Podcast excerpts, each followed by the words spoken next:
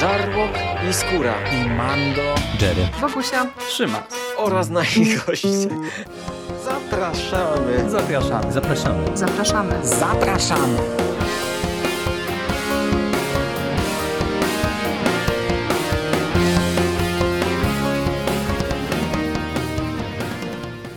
Witamy w konglomeracie podcastowym, czyli na platformie, która zbiera wszystkie Wasze ulubione podcasty w jednym miejscu.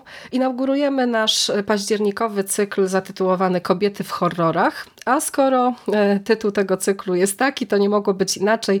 Witają się z Wami Bogusia Szewczyk oraz Marta Płaza. Cześć! Cześć Bogusia, cześć, witajcie. Witamy, witamy bardzo gorąco e, w takim właśnie z naszego punktu widzenia też zaskakującym e, cyklu, bo to jest w sumie taki pomysł, który e, pojawił się całkiem niedawno tutaj u nas za sprawą telewizji Sundance TV. Dziękujemy w ogóle za, za to, że przedstawiciele tej stacji odezwali się do nas i zwrócili naszą uwagę na pewien cykl filmowy, który już wkrótce, już teraz, już dzisiaj będzie e, emitowany na, na, ich antenie. Właśnie, te kobiety w horrorach. E, my jako fani grozy i fani e, ciekawych filmów wypatrujemy naprawdę z baczną tutaj uwagą wszelkiego rodzaju projektów, właśnie takich przeglądów cyklicznych filmowych, najlepiej właśnie związanych z grozą i najlepiej jakby to były takie rzeczy tematyczne. Więc ten cykl kobiety w horrorach to jest coś, co nas od razu przyciąga a Sundance TV to jest taki kanał z kinem artystycznym, z kinem festiwalowym, z kinem innym, z kinem eksperymentalnym, czyli z takimi rzeczami, których mm, nie za często mm, mamy możliwość oglądania w kinach podczas różnych maratonów horrorowych z okazji Halloween i nie tylko.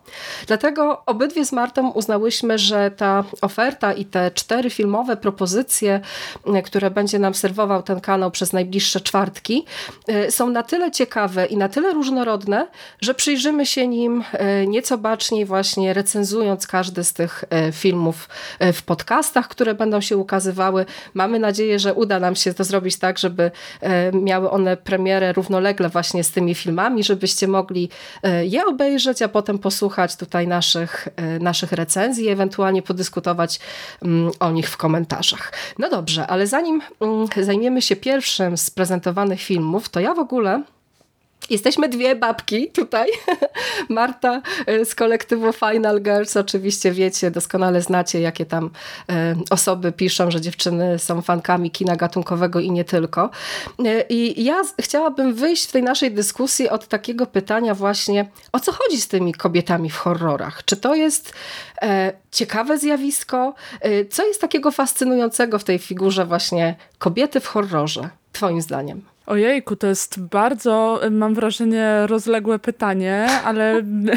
ale dobre na początek. tak, to jest idealne pytanie na początek, bo w zasadzie kobiety y, odnajdujemy mm, w każdym nurcie kina grozy, w zasadzie groza bardzo często orbituje właśnie wobec, y, wokół tej kobiecej perspektywy, kobiecych doświadczeń.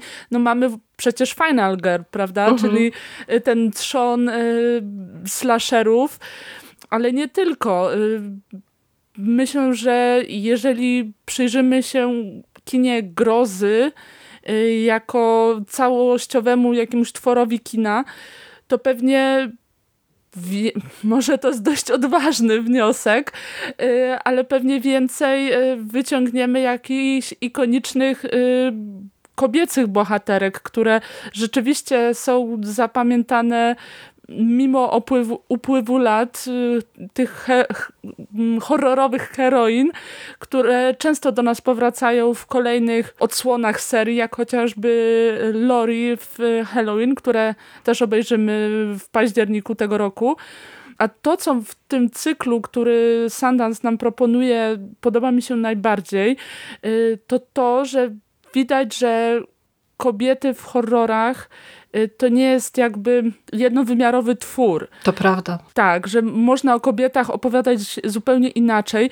Tego, te kobiety też są różne. Są zarówno bohaterkami, jak i antybohaterkami, jak i żadną z tych kategorii, czyli po prostu mogą wzbudzać w nas przeróżne emocje i pobudzać do dyskusji. Dlatego też bardzo się cieszę, że ten cykl startuje i to startuje od tak wyrazistego, mocnego filmu z świetną bohaterką w centrum. Tak, te kobiety w e, horrorach to też e, jawią się bardzo mocno jako e, taki twór ewoluujący cały czas, bo ja jak tak próbowałam sobie poprzypominać te pierwsze horrory, te pierwsze filmy grozy i kobiece bohaterki, które gdzieś tam się przewijały, to mam takie wrażenie, że mm, dominuje teraz taka tendencja właśnie odważnej kobiety i takiego odważnego mm, prezentowania tego, że nie jesteśmy wcale takimi słabymi istotkami, bo e, wcześniej, e, jak zapewne się mm, większość z was i ty Marto zgodzicie ze mną, no to było tak, że te kobiety to najczęściej były właśnie albo jakiś fan fatal, albo jakieś tam damy w opresjach, które trzeba było e, ratować, a dopiero potem pojawiła się ta final girl, dziewczyna słaba, która w obliczu zagrożenia jest w stanie po prostu wykrzesać z siebie jak najwięcej, jak najwięcej siły, żeby to zło pokonać. Teraz też mamy y, dużo bohaterek, właśnie silnych policjantek, profilerek.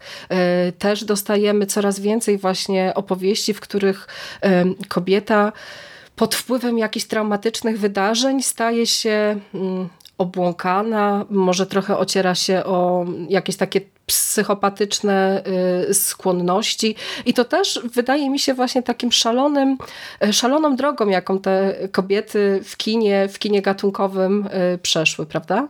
Tak, ja też bardzo lubię to, oprócz tego, o czym mówisz, to jest jakby ta nadrzędna warstwa, która się rzeczywiście przebija najmocniej w kinie grozy, ale też drugą jest to, tą drugą warstwą, którą ja na przykład bardzo lubię, jest to, że czasami znajdujemy te, w horrorach kobiety, które są ym, teoretycznie tymi e, takimi prostymi e, mhm. kobietkami, ale przy tym są na przykład bardzo sprawcze.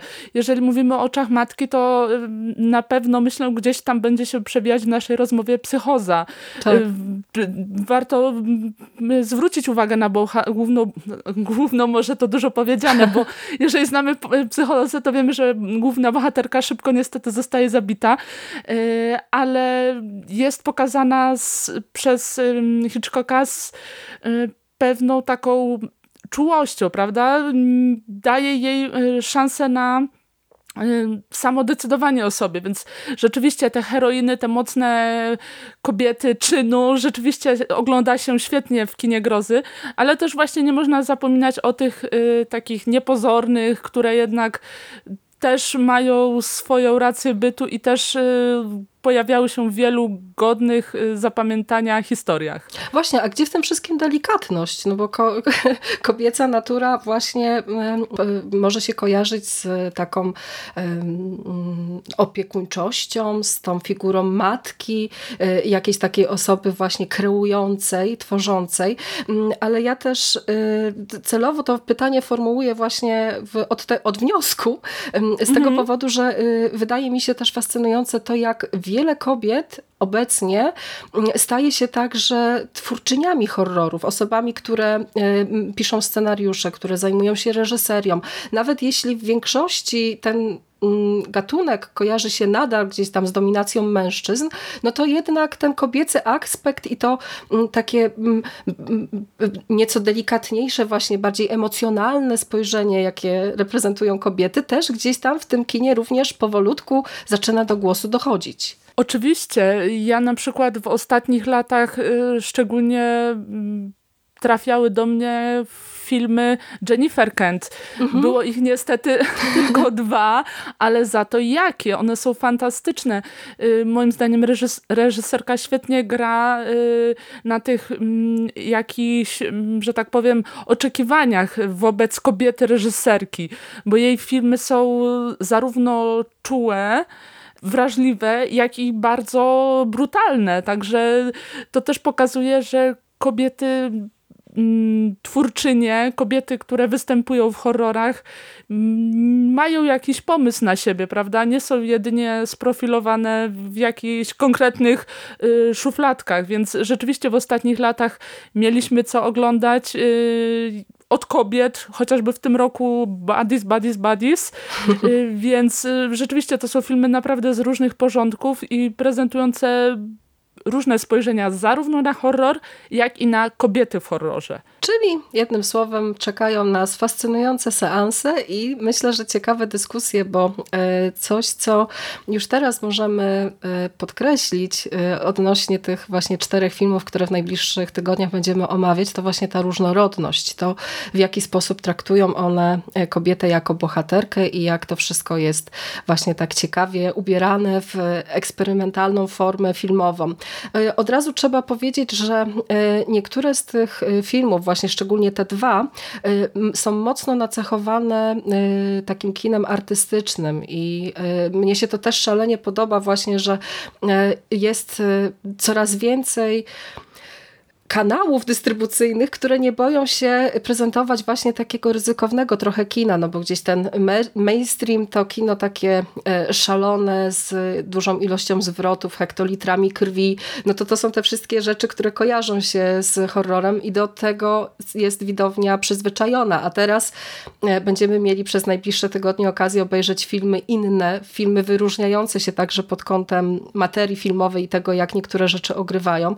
I to jest perspektywa naprawdę szalenie fascynująca. Ja jestem bardzo podekscytowana tym, że będziemy mogły y, zobaczyć niektóre rzeczy po raz kolejny, bo y, my już niektóre z tych filmów widziałyśmy, więc to trochę inne spojrzenie y, na nie po dłuższym czasie będzie też, myślę, ciekawym doświadczeniem. Jak najbardziej. Mi też podoba się odwaga stacji w wyborze tych filmów, Aha. bo mam wrażenie, że każdy z nich jednak mimo wszystko y, trochę przeszedł niezauważony u nas. Y, Oczy Matki wydaje mi się, że w szczególności. Ja pamiętam, że widziałam y, film w czasie, kiedy miał premierę, ale nie wzbudził takiego szumu, jaki myślę mógłby wzbudzić teraz, kiedy rzeczywiście o horrorach mówi się więcej, dyskutuje się bardziej niż dyskutowało się te 6 lat temu. Może to też taki trochę wniosek na wyrost, ale ja jednak zapamiętałam ten film jako taki, który jednak nie niesłusznie nie wzbudził y, dyskusji, które myślę y, wzbudza. Tak, bo on, y, ja też miałam okazję zobaczyć Oczy Matki troszeczkę wcześniej. Nie pamiętam, czy to było dokładnie w rok premiery, ale y, na pewno widziałam ten film no, już jakiś czas temu i y, pamiętałam jakieś takie właśnie ogólne wrażenie, które ten film we mnie wywołał, bo on te, też jest taki bardzo, e, bardzo wyrazisty, bardzo intensywny e, i jednocześnie e, myślę, że takie pewnego rodzaju doświadczenie z tym kinem artystycznym i trochę z posthorrorem, e, jakiego się nabywa właśnie po tych latach obcowania z, z, tym filmowymi, z tymi filmowymi horrorami, no to jednak do pewnego stopnia uruchamia niektóre skojarzenia, o których ja nawet sobie, z których ja sobie nawet nie zdawałam sprawy i to też e, wydaje mi się szalenia fascynujące. Ten film miał premierę właśnie na fe festiwalu w Sundance w roku 2016 e, i o ile krytycy gdzieś tam docenili te jego walory artystyczne, no to jeśli chodzi o widownię, y, to gdzieś tam tych głosów jest jednak mniej, co wydaje mi się, że wynika z dwóch kwestii. Przede wszystkim dość ograniczonej dystrybucji kinowej w Stanach Zjednoczonych i w innych państwach e, też ten film nie był tak e, powszechnie wyświetlany, to po pierwsze, a po drugie osoba reżysera, Nicolas Pesz e, jest, był w chwili produkowania tego filmu, w chwili kiedy ten scenariusz powstawał, był debiutantem, miał 27 lat, kiedy ten film zdecydował się nakręcić, więc gdzieś tam zawsze ci debiutanci są traktowani na trochę innych zasadach, mm, pod tym kątem, że nie ma się do nich zaufania, nie? W, taki sposób, że jak tak. już ktoś kręci powiedzmy drugi lub trzeci film, no to mniej więcej wiadomo, czego się spodziewać. A czego ty się spodziewałaś po oczach matki? Y, Pamiętasz? Swojego pierwszego seansu nie pamiętam aż tak dokładnie, ale miałam podobnie jak ty. Teraz, gdy powtarzałam film do naszego dzisiejszego nagrania, pamiętam, że pierwszy seans wzbudził we mnie jakieś właśnie bardzo specyficzne odczucia, ale nie pamiętałam dlaczego, więc trochę ten film odkrywałam Oj, tak. na nowo. I to było, powiem ci, fantastyczne doświadczenie, bo ten film podobał mi się dużo bardziej niż za pierwszym razem. To też może wynikać uh mhm. -huh. po części z tego, o czym mówisz, yy, że właśnie od 2016 roku już mieliśmy okazję obyć się z trochę innym kinem grozy, z troszkę innym sposobem opowiadania o horrorze, więc może też dlatego ten film trochę inaczej mi wybrzmiał, jak najbardziej na plus. Mi się wydaje, że jego taką trudnością w odbiorze może być właśnie to, że on perfekcyjnie łączy art house y, z makabrą. Czyli generalnie tak. może nie podejść ani jednej, ani drugiej grupie. Dla Zupełnie tych, którzy... dwa różne bieguny, nie? Tak, tak dokładnie. Dla osób, które oczekiwałyby takiej typowej eksploatacji, typowej makabry, ten film może być nudny. Nie przeczę, mogą być takie, e, takie, taki odbiór, a dla osób, które rzeczywiście oczekują jakiegoś yy, wysmakowanego kina grozy arthouse'owego, on może być mimo wszystko zbyt brutalny. Więc powiem Ci, że jak na debiutancki horror był to bardzo odważny wybór scenariuszowy, wybór kierunku, bo rzeczywiście, mm, bo wiesz o co chodzi, czasami yy, debiuty mhm. są robione z taką świadomością właśnie po to, żeby się przypodobać, żeby, żeby trafić w gusta, prawda? A tutaj to reżyser, mam, mam wrażenie, nie chciał trafić w niczyje gusta. Był na tyle specyficzny w tej swojej wizji, mm, że może dlatego film spotkał się z takim, a nie innym przyjęciem. Ale moim zdaniem niesłusznie został zignorowany, bo rzeczywiście jest tutaj w czym grzebać, czego się doszukiwać. Zdecydowanie jest i to jest też zaskakujące to ja chciałabym przytoczyć y, na początek y, dwa takie slogany reklamowe, y, takie hasła określające ten film, które wydają mi się szalenie ciekawe. Na jednej z zagranicznych stron trafiłam na, taki, na takie zdanie. Egzystencjalny indie horror podrasowany sadyzmem rodem z kina exploitation. Hmm. Albo gdyby Ingmar Bergman kręcił horrory, to mógłby zrobić taki film. Ale przecież Ingmar Bergman kręcił horrory. Przypomnijmy chociażby źródło, które było przecież traktowane jako protoplasta Rape, rape and Revenge. To tak oczywiście... to wydało mi się śmieszne. tak, tak. To oczywiście tak pół żartem, pół serio. Y, ale powiem ci, że w tym pierwszym sloganie coś rzeczywiście jest. Jest on trochę taki pompatyczny, typowo marketingowy, żeby jakieś skojarzenia przeciwstawne wzbudzić, ale ja gdybym na taki trafiła wówczas w prasie, to pewnie bym się dała przekonać do seansu. No dobrze, a czym w ogóle jest, y, jest ten film? Y, króciutki zarys fabuły y, przyda się, jednak na początek, żeby wprowadzić was trochę w, w tę historię, a potem z Martą będziemy robiły to, co uwielbia, uwielbiamy najbardziej, czyli będziemy właśnie doszukiwać się ukrytych znaczeń i tutaj rozpływać się w zachwytach, bo już chyba teraz możemy trochę tę naszą opinię zaspoilować, że jest to naprawdę ciekawy film, nie pozbawiony wad, ale jednak na tyle interesujący, interesujący, że no będziemy tutaj dawać e, znak jakości nasz i, i, i kciuk w górę, żebyście też poświęcili mu, e, poświęcili mu uwagę. E, a warto to zrobić z kilku powodów. Przede wszystkim jest to ciekawie skonstruowany mikrodramat, bo właściwie cała ta historia skupiona jest na siódemce postaci, na siedmiu osobach, więc mamy tutaj naprawdę mikroskalę. Film jest bardzo intensywny, bardzo skupiony i bardzo krótki, bo trwa raptem 77 minut bodajże. Autorzy y, tej produkcji w ciągu 18 dni zdjęciowych mm, zrobili cuda, jeśli chodzi o wizualną oprawę i o to, jak ten film wygląda, w jaki sposób jest fotografowany i, i filmowany, jak te kadry są komponowane i co się w ogóle dzieje. A jaką mamy tutaj historię? Główną bohaterką tej opowieści jest e, młoda dziewczyna Franciska, e, która mieszka razem ze swoimi rodzicami na odludnym miejscu, pewnej farmie otoczonej lasem, gdzieś tam można doszukiwać się jakiegoś takiego zatrzymania czasu. To jest takie miejsce zawieszone w próżni, tak jakby faktycznie lata 50. trwały cały czas.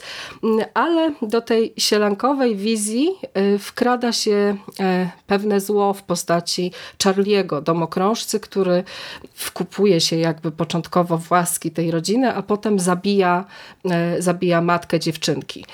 No i żeby nie zdradzać za dużo właśnie y, zawiłości fabularnych, które tutaj się pojawiają i tych zaskakujących y, elementów, to w tym momencie trzeba się zatrzymać, bo y, oczy matki są przede wszystkim opowieścią o tym, w jaki sposób nasza główna bohaterka dorastając radzi sobie bądź nie radzi z traumą. Zgodzisz się ze mną, że to jest główny temat tej opowieści? Tak, jak najbardziej. Myślę, że właśnie doświadczenie traumy i życie w cieniu traumy motywuje bohaterkę praktycznie do samego końca.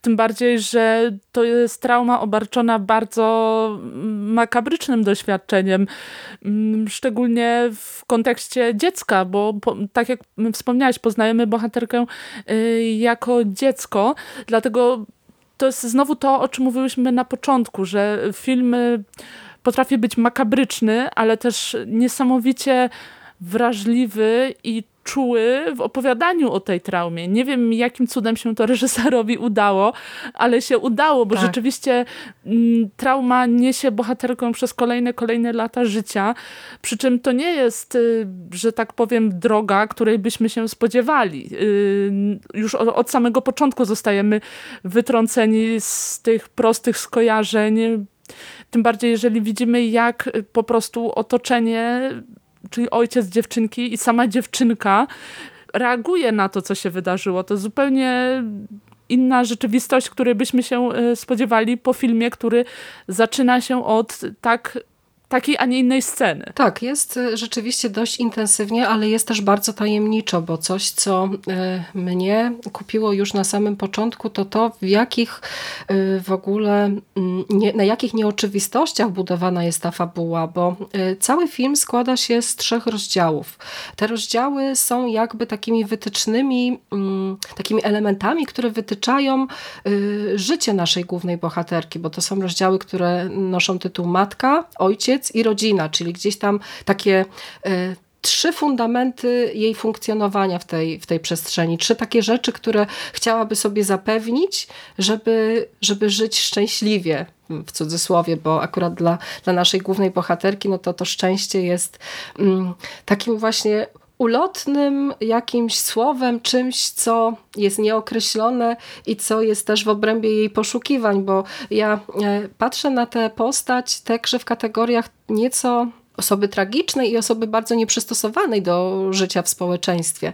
Ale gdzieś tam to trwanie w pewnego rodzaju izolacji i to, że my nie dostajemy właśnie zbyt dużo mm, elementów, które pokazują nam, jak wyglądały te relacje rodzinne, w jaki sposób to, co prezentowała y, Francisce jej matka, mm, doktor doktor nauk medycznych, pani okulista, która y, robiła operację na krowich oczach na stole w kuchni prezentując dziecku właśnie zawiłości anatomii, no to w jaki sposób odcisnęło to piętno na psychikę, y, na psychikę tej małej dziewczynki. To mi się wydaje fascynujące. I jednocześnie Ekscytujące jest też to, że my tych wszystkich odpowiedzi nie otrzymujemy, tylko my y, w oparciu o te elementy, o te kadry, o te sceny, które nam reżyser prezentuje, możemy wysnuwać swoje wnioski i niektóre rzeczy sobie dopowiadać. To jest e, szalenie inteligentny film. Jak najbardziej, dlatego ja myślę, że to w ogóle jest idealny, nie banalny, ale idealny wybór na rozpoczęcie tego cyklu, bo e, tak. jakby wiadomo, głównym e, tematem filmu rzeczywiście jest trauma i sposób radzenia sobie z nią, ale też sam sam fakt, jak mówić o śmierci. I wiesz, to się dzieje dwutorowo. Na etapie języka filmu, czyli mhm. jak reżyser opowiada o śmierci, jakimi, y, y, jakimi narzędziami filmowymi, ale też jak opowiadać o śmierci w naszym realnym życiu, dlatego to jest cudowny wybór na początek października. Gratulacje dla osób, które ten cykl ustalały i w zasadzie taki, ten kontekst dostajemy już e, na początku filmu, bo nie wiem, czy też tak miałaś, ale e, mnie na przykład poruszyło to, że w zasadzie nikogo tam nie porusza widok śmierci, to, co prawda? się dzieje. Tak. I to, I to jest właśnie ta trudność. Jak rozmawiać z dzieckiem o śmierci, jak oswajać dziecko ze śmiercią. Z jednej strony mamy kontekst, czyli często powtarzany że, że tak powiem w naszym otoczeniu, czyli unikać rozmów o śmierci albo wprowadzać w życie dzieci w konkretnym etapie życia, że tak powiem. A z drugiej strony tutaj w filmie mamy totalną banalizację śmierci, banalizację turpizmu wręcz, bo rzeczywiście ta scena mm, Skro sekcji zwłok z krową, no.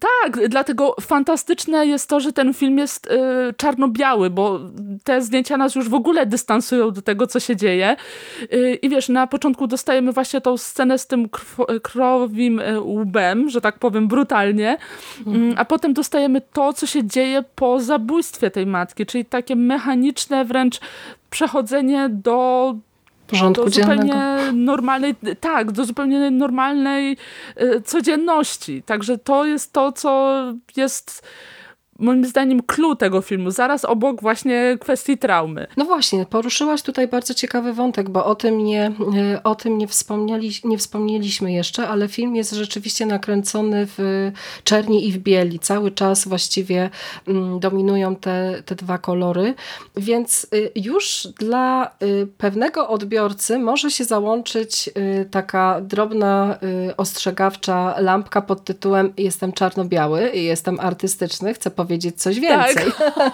Ale y, wydaje mi, się, wydaje mi się też bardzo ciekawe to, że ten art house jednak z horrorem się dość y, fajnie komponuje. Y, jak to jest twoim zdaniem, że takie mm, dwa zaskakujące połączenia, jak to kino artystyczne czarno-białe i te elementy brutalne, mm, jak to się stało, że tutaj to wszystko gra tak dobrze? I czy gra w ogóle, bo może myślisz inaczej. Wiesz co, ja ci powiem tak, ja generalnie podchodzę z bardzo dużym dystansem do współczesnych filmów, które są czarno-białe, bo mi od razu się zapala e, taka lampka w głowie, aha, film nie ma nic ciekawego do powiedzenia, więc dajmy go w czerni i bieli, żeby ukryć jakieś tam scenariuszowe, scenariuszową pustkę. E, wiesz o co chodzi, że często tak mhm. tak bywa, że po prostu największą zaletą filmu jest to, że jest czarno-biały. Dlatego bardzo ostrożnie podchodzę do takich filmów, bo nie lubię takiego chwytu jako atrakcji samej w sobie. A tutaj moim zdaniem działa to genialnie na naprawdę wielu poziomach.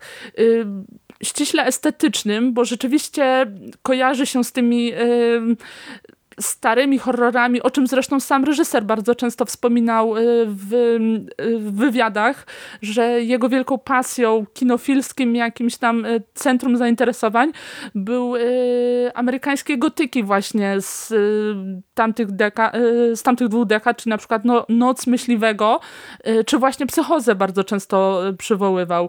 Więc bardzo to czuć. Takim, tak, dokładnie, więc na takim jej warstwie czysto estetycznej to wygląda super, ale to, co jest najważniejsze, że to się zupełnie, zupełnie zgrywa z tym, o czym ten film jest. Tak jak właśnie mówiłyśmy przed chwilą, jest ta taka normalizacja, to może złe słowo, ale taka banalność tego zła. Dzieje się to wszystko tu yy, tym, w takim kontekście, że bohaterowie w zasadzie są niewzruszeni na to, co, co się wokół nich dzieje, a te czarno-białe zdjęcia dodatkowo nas jako widzów dystansują. I wiesz, no można sobie zadać takie pytanie, czy rzeczywiście my powinniśmy być zdystansowani wobec takiej makabry, która się tutaj dzieje. Oczywiście to niekoniecznie musi każdemu podejść, bo tak jak wspomniałaś, no jest ten taki artystyczny wajbik, który może niektórych odrzucić, ale mnie to jednak skłoniło do takiego zastanowienia się na przykład na tym, nad tym, jak my jako widzowie postrzegamy tą filmową przemoc. To jest też, e, wydaje mi się, bardzo smutna historia. Historia o upadku i o tym, że nie w każdej sytuacji możemy sobie poradzić z problemami. I wydaje mi się, że ta czerń i biel ma tutaj też takie zastosowanie na zasadzie że ta historia staje się bardziej uniwersalna. E, e, tutaj ja tak te, też troszeczkę celowo powiedziałam o tych moich obawach, również związanych z kinem artystycznym i z kinem czarno-białym, chociaż w przypadku akurat tego filmu to takie określenie, które przychodzi mi do głowy to stylowość. Ten film wydaje mi się tak strasznie stylowy i to wszystko y, kompozycyjnie y, jest też myślę ciekawym aspektem i ciekawą wskazówką, jak niektóre rzeczy w tym filmie odczytywać. No bo zobacz, zobacz, mm, masz, y, mamy w większości y, tej opowieści y, bardzo ciekawą perspektywę obserwowania niektórych wydarzeń. Niby rzeczywiście jesteśmy w środku, jesteśmy blisko tej rodziny, widzimy wszystkie te tragedie, jakieś mhm. takie sytuacje, które mm, zdarzają się na co dzień, jakieś takie życie polegające na tym, że Franciska sobie coś tam je na przykład albo tańczy, no to to są sytuacje z dnia codziennego. Ale jednocześnie w momencie, kiedy dochodzi do jakichś aktów przemocy tutaj, to ta perspektywa się trochę zmienia i już jesteśmy właśnie dystansowani do tego. Widzimy to w właśnie takich statycznych, y, często mm, oddalonych bardzo mocno kadrach, jak na przykład ta scena, kiedy y, nasza bohaterka zabija mm, pe pewnego faceta, no to widzimy to przez okno, albo w momencie, kiedy gdzieś tam przemieszcza się między lokacjami i siedzimy razem z nią w, sam w samochodzie y, i ona nas zostawia na jakiś, y, na jakiś czas w tym aucie samych i tylko obserwujemy właśnie to otoczenie, to wszystko, to wszystko co się dzieje. Ten film poprzez takie kreowanie właśnie perspektywy też sprowokował mnie do postawienia sobie sobie pytania, z jakiego punktu widzenia my w ogóle widzimy tę historię, bo ta obecność widza, obecność narratora jest tutaj też tak nie do końca właśnie y, określona, prawda? No właśnie, tak. Y, to też towarzyszyło mi praktycznie do samego końca seansu, ale myślę, że chyba można jednak pokusić się o wniosek, że mm, sam tytuł trochę nas naprowadza na, na to, z jakiej perspektywy ten film jest pokazany, y, bo rzeczywiście w zachowaniu y, Franciski, w jej jakichś tam pragnieniach rzeczywiście stale obecna jest, y, stale obecny jest ten duch matki, prawda? Matki, która Bardzo się mocno. przygląda, matki, która y, towarzyszy bohaterce, determinuje jej zachowania. Dlatego też na przykład mamy dużo ujęć plenerowych, bohaterki jakiejś tam zagubionej w, w tym swoim otoczeniu. Y, to już na pewno taki y, dosłowne, że tak powiem, podejście do, do tej kwestii, ale jednak y, cały czas czujemy, że ta matka tam jest i że bohaterka robi wszystko, aby na swój jakiś pokręcony sposób ją zadowolić, prawda? No bo w zasadzie jedyna scena, jaką widzimy, w jakiej widzimy je obydwie, to jest właśnie mm, scena z tą krową. Yy, więc tak. która jakby no, mocno determinuje to, jak Franciska zachowuje się później i w jaki sposób próbuje nawiązać kontakt ze swoją matką. To są oczywiście wszystko trafne spostrzeżenia. Ja też y, myśląc o tej perspektywie, to właśnie też tak się zastanawiałam, na ile, na ile matka, a na ile jakaś taka perspektywa boska, bo ja też ten film, to będzie w ogóle jakiś szalony wniosek, który tutaj za chwilę padnie, albo rozmawiamy cały czas o artystycznym kinie gatunkowym, artystycznym horrorze ale ja mam właśnie takie wrażenie, że mm, cała ta historia, która jest nam e, przedstawiana w mm, oczach matki, mm, jest też swego rodzaju właśnie przypowieścią. Taką opowieścią trochę elegijną, y, uniwersalną, prezentującą właśnie to, skąd y, bierze się w człowieku zło i jak niektóre decyzje mogą wpływać na to, czy jesteśmy dobrymi osobami, czy jesteśmy złymi. Mam cały czas wrażenie jakiejś takiej sprawczej siły, która gdzieś tam nad, tym, nad tą farmą się unosi e, i ta mm, kolejnym argumentem, który może potwierdzać tę te, te tezę o przypowieści jest też właśnie to niedookreślenie czasu i miejsca, bo ja, ja, ja nie potrafię powiedzieć w którym roku toczy się akcja filmu, ani w jakiej przestrzeni, bo oni niby mówią po angielsku, ale nie wiem, czy tak. to są tak. Stany Zjednoczone, czy gdzieś po prostu, gdzie, gdzie ta rodzina jest, oni tkwią w jakiejś, w jakiejś takiej ba bańce. A jednocześnie też fascynuje mnie to, jak czasami operator i reżyser bawią się tą perspektywą, podchodząc jeszcze bliżej, bo tam też jest kilka takich szalenie fascynujących e, scen, jak na przykład kamera jest ciągnięta przez jednego z bohaterów na e, plandece, czy tam na jakiejś, nie wiem, folii, albo mhm. są ujęcia z perspektywy otwieranych drzwi od stodoły, a jednocześnie te wszystkie ujęcia nocne, skąpane w czerni i bieli z takimi właśnie ostrymi krawędziami, to wszystko robi naprawdę no, kapitalne wrażenie. Y, jak najbardziej. Y, zacznę od tego, że rzeczywiście nie mamy tutaj mocno określonego miejsca akcji, tym bardziej, że tutaj w pewnym momencie mieszają się wręcz dwa języki. Nie wiem, czy ten tak. drugi to jest portugalski. Portugalski. Mhm. Y, prawdopodobnie tak, nie wyłapam, ale rzeczywiście to sprawia, że no, znowu trochę się dystansujemy do tego, co się dzieje, ale z drugiej strony też możemy dopasować do zupełnie różnych, że tak powiem, przestrzeni. I to też właśnie tak jak mówisz, sprawia, że film jest uniwersalny. A druga rzecz, myślę, że wniosek o przypowieści nie jest wcale na, na, na wyrost, tym bardziej, co może sugerować szczególnie jedno ujęcie, chyba moje ulubione w tym filmie. Ono y, pojawia się chyba już w drugiej połowie filmu, kiedy bohaterka zwraca się do matki bodaj słowami co dalej mamo, wszystko robię dla ciebie, a oh. operatorzy pokazują nam plecy bohaterki, a w centrum kadru jest figurka Matki Boskiej, więc y, mhm. ta boska, y, y, boska emanacja, boskość macierzyństwa wręcz jest tutaj mocno widoczna. Tym bardziej, że ta scena dzieje się już w akcie trzecim, który jest właśnie zatytułowany Rodzina. Więc rzeczywiście ten kontekst jest tutaj może nie jakoś mocno wprowadzony, ale rzeczywiście odczuwalny. Tak, to ja postawię teraz jeszcze, bo tak właśnie chwalimy y, całą tę warstwę złożoną z symboliki, z uniwersalności, z tego, że to jest czarno-białe i takie artystyczne i w ogóle, y, w ogóle super. Y, ale ja chciałabym też zapytać cię o to, czy nie masz wrażenia czasami, że te artystyczne zabiegi utrudniają odbiór? Bo ten film sam w sobie z powodu tematu wydaje się naprawdę taki szalenie ciężki, szalenie trudny.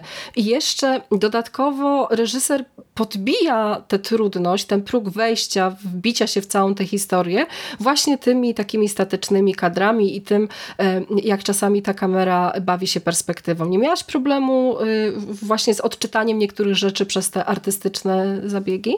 Nie przeszkadzało ci to? Wiesz co, wydaje mi się, że jednak jednak mi nie przeszkadzało. Trochę się nad tym zastanawiałam. Po części przy, mogło też tak być, że przy pierwszym odbiorze trochę, trochę jednak ten próg wejścia był wyższy, ale teraz jednak całość mi się y, skomponowała na tyle dobrze, że ostatecznie całość kupuję. Jednak myślę, że ten film nie wybrzmiałby aż tak dobrze, gdyby reżyser zdecydował się na większą dosłowność. Mhm. Oczywiście te y, artystyczne zabiegi, przeciągnięte kadry tak zwane snuje, mogą być, mogą być pewną blokadą, ale ostatecznie do takiej perspektywy, do takiego sposobu opowiadania przekonały mnie słowa samego reżysera, który powiedział bardzo ciekawą rzecz. Y, myślę, że jakikolwiek obraz, który sobie stworzysz, jest o wiele bardziej przerażający niż wszystko, co mogłem pokazać. Perfekcyjne. Jest to trochę takie egzaltowane może, takie jak, szczególnie jak na debiutanta, prawda? To Aha. jest taki dość odważny wniosek, Pewny prawda? swojego jest, bardzo. tak, dokładnie. Pewny swojej wizji, ale to jest z drugiej strony fajne, bo jednak lubię jak reżyserzy potrafią y, swojego filmu bronić wbrew temu, jak on mhm. może być odbierany publicznie, tak jak robi to chociażby teraz Andrew Dominik w przypadku y, Blondynki. Ale wracając do naszego tematu, y, rzeczywiście to spostrzeżenie mnie chyba ostatecznie przekonało do tej techniki, bo rzeczywiście łapałam się e, w wielu momentach w tym filmie na tym, że on jest bardzo niewygodny w sensie.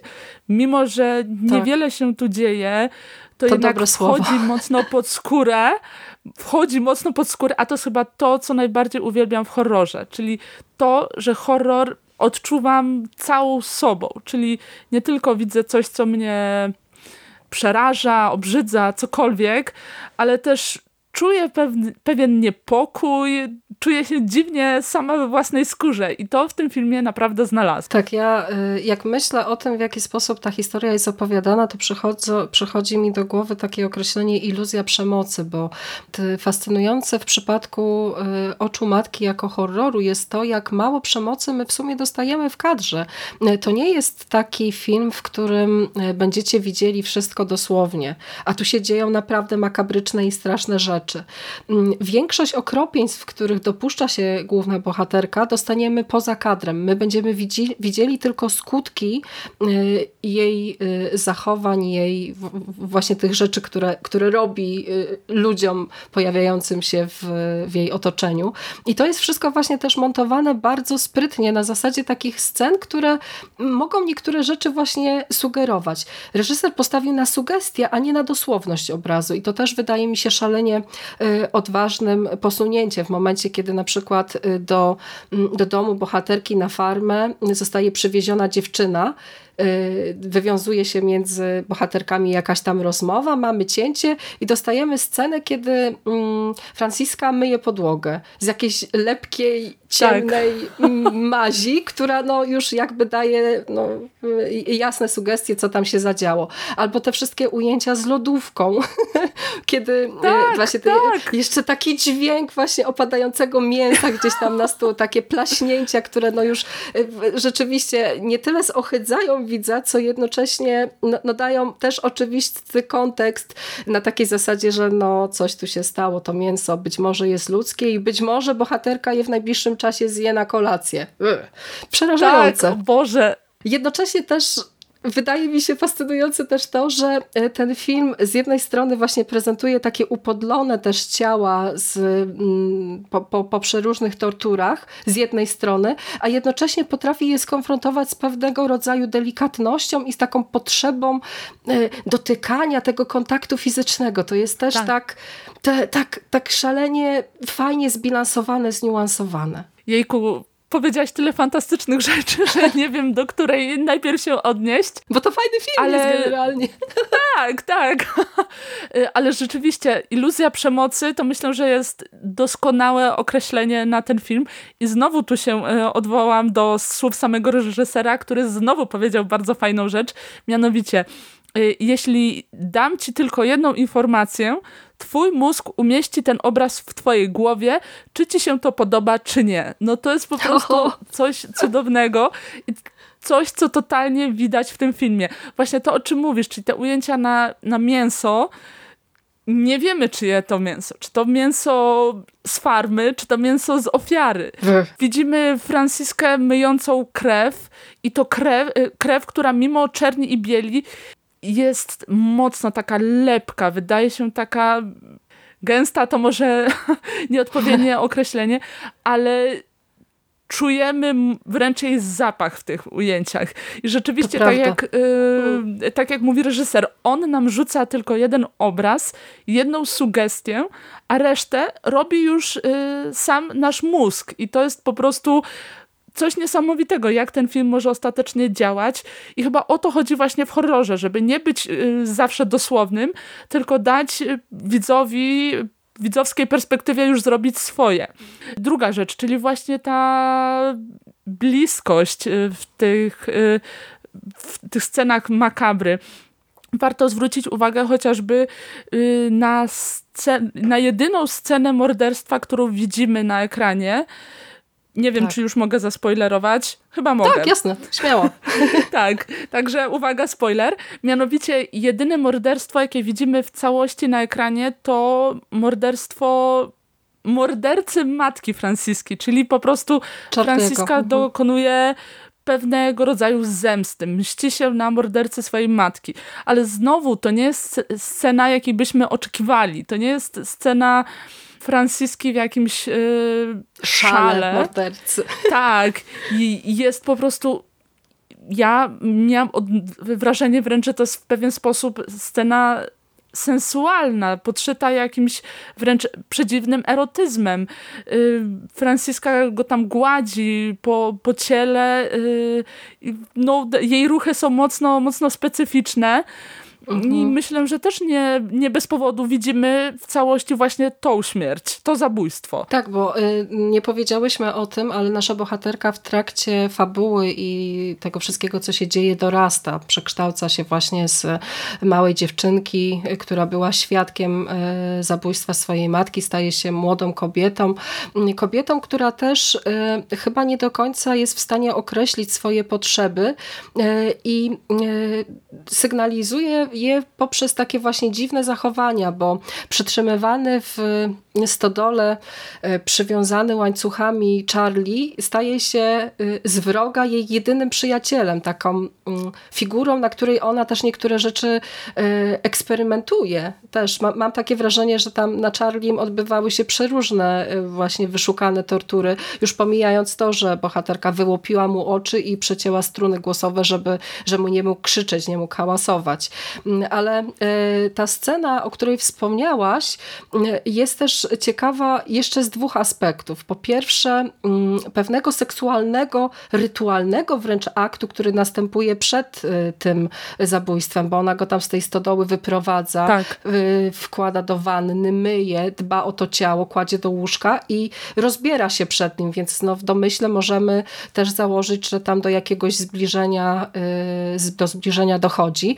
Mm, a z drugiej strony, kiedy Charlie wymyka się nocą z, z domu, no to ona też tak e, podążając za nim, też bawi się troszeczkę z nim w kotka i myszkę. Zwróciłaś na to uwagę? Ona zdecydowanie, tak, zdecydowanie. Tak się, tak się skrada gdzieś tam z boku, nie podchodzi, nie atakuje go od razu, tak e, to, to mi się wydało też właśnie takie y, y, szalenie intrygujące z tej perspektywy, że ona też jeszcze nie do końca wie, co chce zrobić, bo y, Charlie w jednej z wcześniejszych scen filmu mówi małej Francisce, że zabójstwo, akt śmierci jest czymś niesamowitym, czymś takim, co cieszy człowieka. I ona też powoli tak. tę radość y, zaczyna z tej przemocy czerpać. Więc co? W naszej bohaterce powoli rodzi się potwór i my te narodziny potwora obserwujemy bardzo wnikliwie. Jak najbardziej. Rzeczywiście w tej scenie, gdy, y, o której wspomniałaś, jest pewna swojego, wie, że jej ofiara, jej kochanek jej nie ucieknie. Mm, ale rzeczywiście... Chociaż to robi, nie? Dobrze, że tak, dokładnie. Ale rzeczywiście dobrze, że, że wspomniałaś o tej jakby ich pierwszej rozmowie, bo rzeczywiście mam wrażenie, że w tym momencie trochę się decydują losy Franciski, y, która tak. najpierw tak że tak powiem, obcuje właśnie z y, trupami zwierząt w zupełnie neutralnych y, sytuacjach. Nikt w żaden sposób y, dziewczynce tego nie tłumaczy, czy wręcz nie oddala jej od widoku y, tych martwych zwierząt, tylko wręcz traktuje, normalizuje jako coś, co każde dziecko powinno doświadczyć. No tak, tak to w tym filmie wygląda. A potem, gdy dochodzi już do morderstwa matki, bohaterka, właśnie tak jak wspomniałaś, zaprzyjaźnia się y, z, z y, zaprzyjaźnia się właśnie z tym oprawcą, a to co naj, to, co mi się wydawało najciekawsze, to ta ich króciutka wymiana zdań, gdy mhm. ona pyta go, dlaczego wybrałeś nas? A on po prostu mówi, bo wpuściłyście mnie. Czyli bohaterka jakby dostaje... Tak, to jest, to jest okropne, to jest naprawdę okropne. Właśnie pod czysto względem takim grozowym, że możemy to odczuć. Mhm. Y, I też pod względem tego, co się dzieje z samą bohaterką, która po prostu dostaje jakby kolejne potwierdzenie, że, że śmierć, że zniszczenie jest czymś zupełnie normalnym, y, czymś, co nie zostaje jej wyjaśnione przez osobę, Zdrową na umyśle, że tak powiem, no bo rzeczywiście Rozumiem. bohaterka tak obcuje no, z osobami mocno zaburzonymi od samego swojego początku. No tak, bo ona początkowo też w ogóle przejawia jakąś taką dzi dziwną, wręcz naukową, e, naukowe, takie analityczne podejście do śmierci w momencie, kiedy ta matka tak. prezentuje jej właśnie soczewkę i ten przekrój oka, no to ona ogląda to wszystko z fascynacją, a jednocześnie tam też y, ciekawy wydaje mi się y, właśnie ten ojciec, który gdzieś przemyka dotyka, bez słowa praktycznie. Te więzi niby są, bo ona po, po śmierci swojego ojca rozpacza i śpi z jego trupem w łóżku, więc gdzieś tam ta więź i to mhm. więź, może to zaszło powiedziane, to przywiązanie i ta obawa przed samotnością jest na tyle silna, że po prostu no, nasza bohaterka przekracza wszelkie, wszelkie granice. Mm, a jednocześnie też w figurze tej postaci jest kilka takich elementów, które e, cechują ją i które sprawiają, że faktycznie mamy do czynienia z, narodziną, z narodzinami psychopatki. No bo popatrz, po pierwsze mamy tę traumę, o której już mówiliśmy, ta e, śmierć matki, która do pewnego stopnia właśnie sprawia, że, e, że mamy tego faceta przywiązanego w, w tej stodole, że ona eksperymentuje, że ona chce, no ja wierzę, że bohaterka chciała wymierzyć sprawiedliwość i, i do pewnego stopnia to końcowe zabójstwo, nawet po tylu latach, jest takim aktem właśnie ostatecznej sprawiedliwości. Mamy też to, mm, tę izolację, o której już wspominaliśmy, bo ona mieszka w pewnego rodzaju odosobnieniu i ten e, dziki świat, ta przemoc e, do pewnego stopnia była od niej odcięta i w momencie, kiedy to wkrada się do jej życia, to też e, jako dziecko no nie wie jak zareagować, nie? Jest ufna w stosunku do tego faceta, bo ona tam z nim rozmawia przecież, e, on się cały czas też tak przerażająco uśmiecha, mm, no tak, ale Franciska niczego nie podejrzewa, nie? No przyszedł facet, odzywa się, tam chce e, skorzystać z łazienki, matka przychodzi i razem podejmują decyzję, że no dobra, no to pomożemy ci, no zapraszamy do, do naszego domu. Jest też obłęd, który się stopniowo y, wkrada w, w tę bohaterkę i to rozsmakowanie w przemocy przemocy i w brutalności. Mm, i też jest myślę, że bardzo, bardzo ważnym mm, elementem całej tej kreacji i też taka pustka emocjonalna, mm, trudność w nawiązywaniu normalnych relacji, no bo mm, rozmowy z dziewczyną z baru albo ten brak takiego przystosowania do, do, do, do normalnych zachowań, no bo ona też żyje w jakichś takich właśnie odrealnionych zupełnie sytuacjach. Co ona robi tam na, te, na tej farmie całymi, całymi dniami? Tańczy, y, ogląda telewizję, tu tak. cała masa wiesz, znaków zapytania. A jednocześnie coś, co mnie kompletnie rozwaliło w kreacji tej postaci, to jest ten potworny strach przed samotnością. Do tego momentu jakoś tak ciężko było mi mm, sympatyzować z Franciską jako właśnie tym potworem, który tam okalecza ludzi i, i torturuje i co tylko.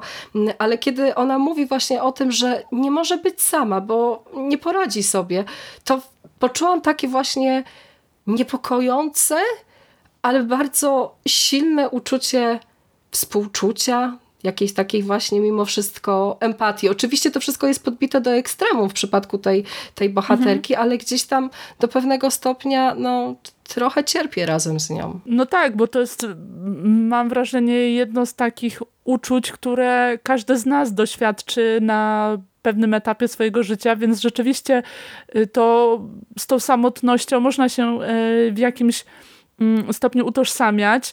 Mhm. W ogóle figura ojca to jest e, coś niesamowitego w tym filmie. Nie wiem, czy też tak miałaś, ale ja na początku filmu zastanawiałam się, czy ten ojciec w zasadzie, e, czy, czy ten ojciec w ogóle istnieje, czy, czy to tak. nie był taki argument matki Franciski, żeby się pozbyć tego intruza.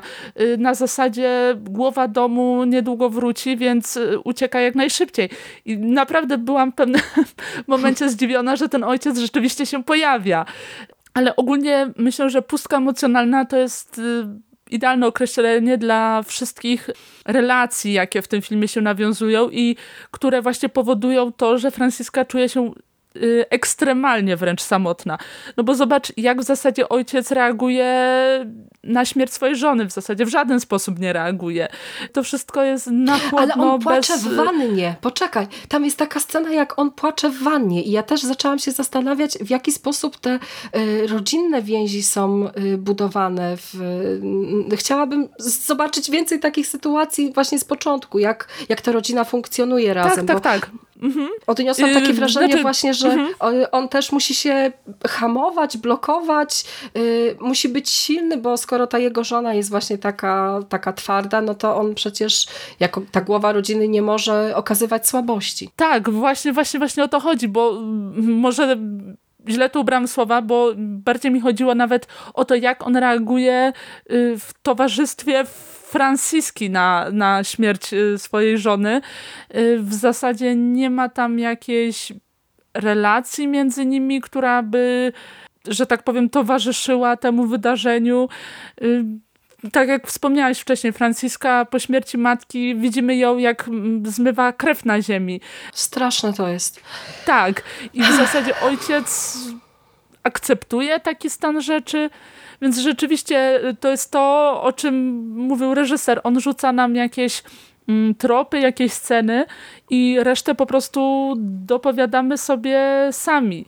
I rzeczywiście to buduje ostatecznie bardzo wiarygodny e, obraz bohaterki, która była w rodzinie, ale teoretycznie była praktycznie e, od samego początku sama. Tak, to myślę, że ta postać też y, y, jest bardzo dobrze zagrana, bo w Kice Mangalesz jest coś takiego właśnie delikatnego. Ona w ogóle nie jest zawodową aktorką. Pojawiła się chyba tylko w dwóch czy trzech produkcjach. Ona z zawodu jest tancerką, więc e, te wszystkie sceny, kiedy Franciska tańczy mm, do e, muzyki fado albo gdzieś tam ze swoim ojcem właśnie jakieś e, taneczne ruchy wykonuje, no to, to wypada rzeczywiście bardzo, bardzo wiarygodnie i bardzo, bardzo fajnie.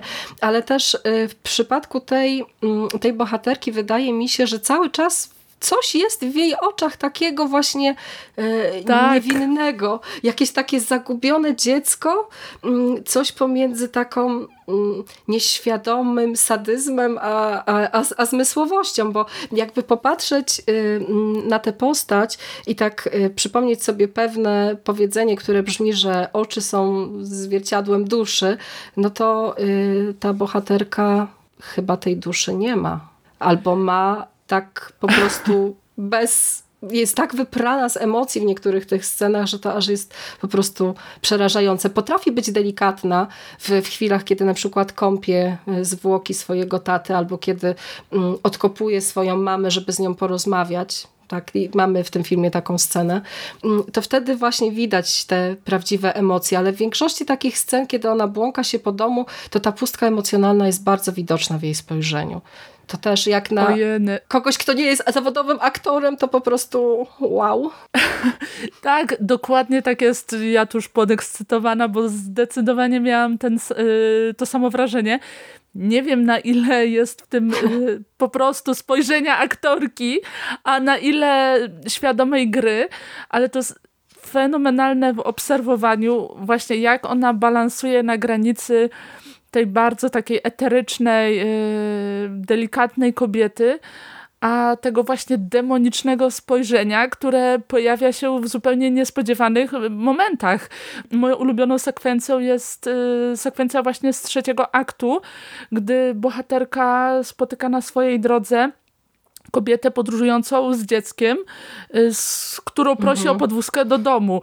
I to jest pod względem napięcia, emocji wygrane perfekcyjnie, bo zaczyna się od delikatnych mm, rozmów, sympatycznego kontekstu, a w pewnym momencie, jak za pstryknięciem, pal za pstryknięciem palcem, y, Franciska zmienia się o 180 stopni. I rzeczywiście to wszystko widać w oczach w takim bardzo jakby to powiedzieć, ascetycznym szaleństwie, bo jej rola w żaden sposób nie jest przerysowana, przedobrzona. Tak, ona sobie nie wyrywa tak... włosów z tak, głowy, nie, nie, tak. nie, nie pląsa w jakimś szale po prostu morderczym. Ona jest w tym wszystkim tak. taka skupiona, stonowana. I wiesz, no nieczęsto się w filmach trafia na scenę, w której bohaterka czułym, uprzejmym głosem prosi matkę jej dziecka o to, że chciałaby jej dziecko podtrzymać, po czym z tym dzieckiem ucieka. To,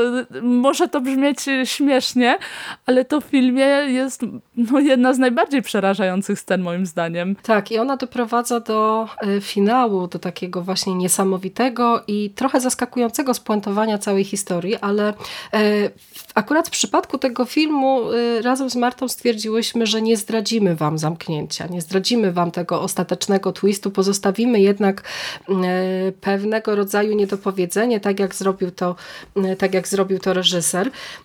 I na zakończenie mm, naszej rozmowy to chciałabym jeszcze tylko poruszyć dwie kwestie. Brak katarzis w tym filmie, bo ja dawno żaden, żadna produkcja filmowa nie wywołała we mnie takiego zmęczenia emocjonalnego, bo ten film jest niby właśnie taki króciutki, nie? 76 minut, no to tak powinno mhm. właśnie stryknąć, polecieć rachciach obejrzane i, i już możemy siadać do nagrania, ale ja po tym seansie byłam naprawdę wyczerpana.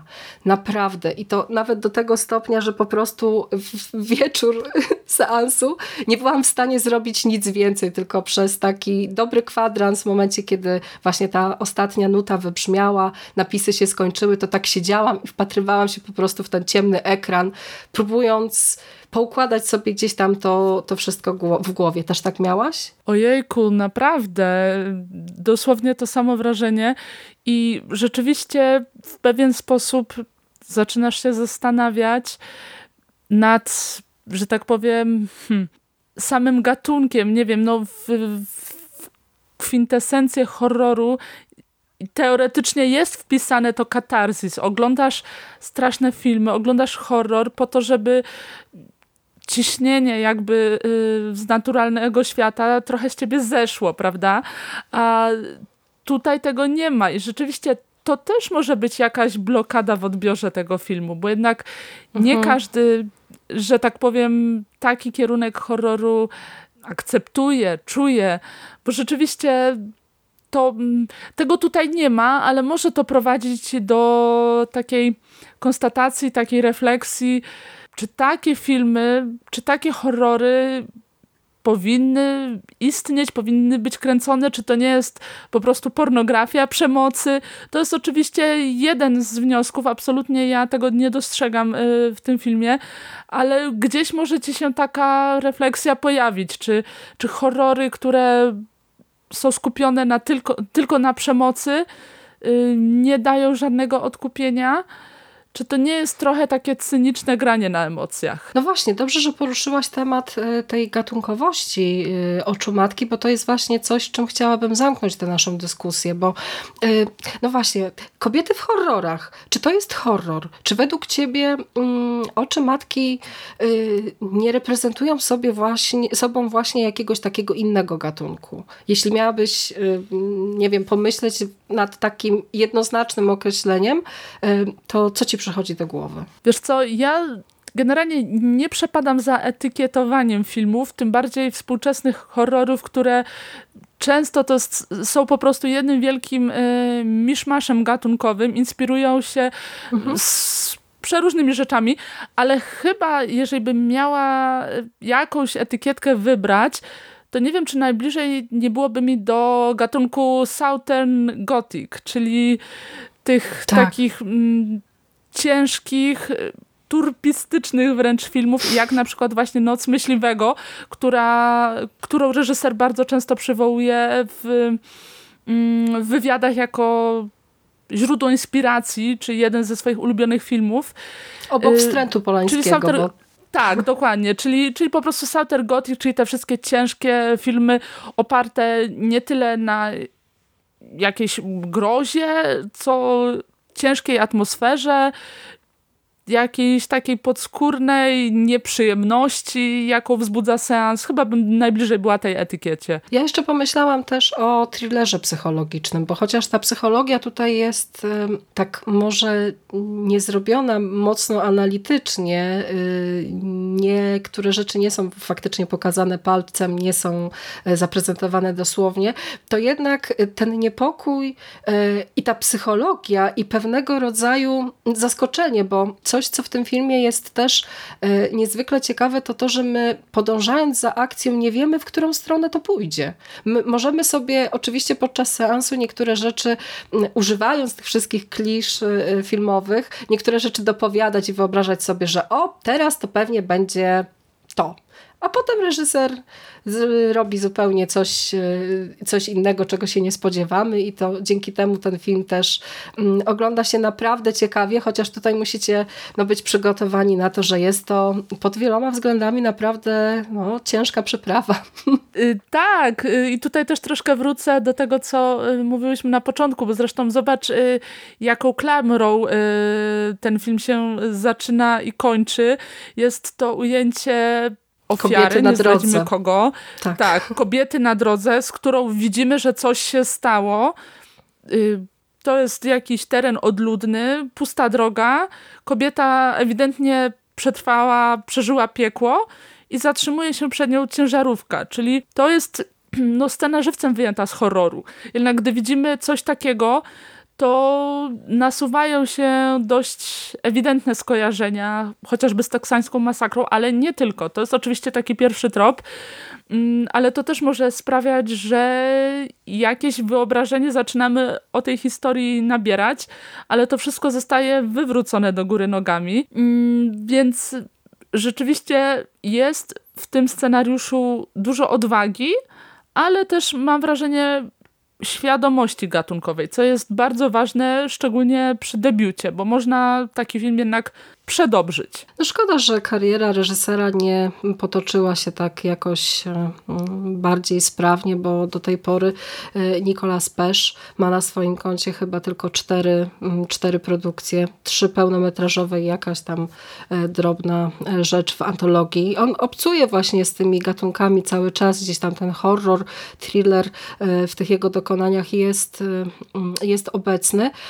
Szkoda trochę zmarnowanego potencjału rzeczywiście, takiego potencjału artysty i tak jak Marta podkreśliłaś, świadomego artysty, takiego, który potrafi wykorzystywać te gatunkowe klisze e, na własny, ciekawy, niesamowity sposób. Na całe szczęście e, mamy film, mamy Oczy Matki. Bardzo gorąco Was będziemy zachęcać do tego, żeby się z tym filmem jednak, e, jednak zapoznać, żeby dać mu szansę, żeby go obejrzeć i potem, żeby włączyć się w polemikę z nami, bo bardzo liczymy na to, że, e, że będziecie się odzywać w komentarzach i tutaj e, właśnie mówić, jak to, jak to jest z tymi kobiecymi bohaterkami i czy, czy zga- zgadzacie się z naszą opinią, e, czy nie. No, ja już się nie mogę doczekać kolejnego seansu i kolejnego spotkania Tak. już za tydzień. Też będziemy mieć ciekawy i też chyba czarno-biały film, o ile dobrze pamiętam, bo za tydzień obejrzymy razem z Martą i razem z wami, mam nadzieję, film Darling. Także też zapowiada się ciekawy kobiecy seans. Marta, bardzo Ci dziękuję za dzisiejsze spotkanie. Było mi szalenie miło. Ja również dziękuję, też nie mogę się doczekać mm, przyszłego tygodnia, tym bardziej, że to będzie mój pierwszy seans tego filmu, także oczekiwania mam naprawdę spore. Zobaczymy za tydzień, jak było z efektem. Okej, przekonamy się. Ja już ten film widziałam i już go Marcie zachwalałam, ale jak, co- co z tego wyjdzie i czy te nasze oczekiwania tam się pokryją, czy nie, no to już dowiecie się e, za tydzień w kolejny czwartkowy wieczór. Dziękujemy Wam bardzo gorąco za e, uwagę i no co, do usłyszenia, do zobaczenia. Cześć! Do usłyszenia, hej!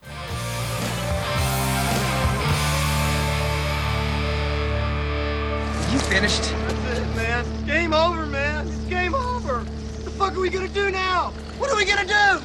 It's over. Nothing is over! Nothing! You just don't turn it off!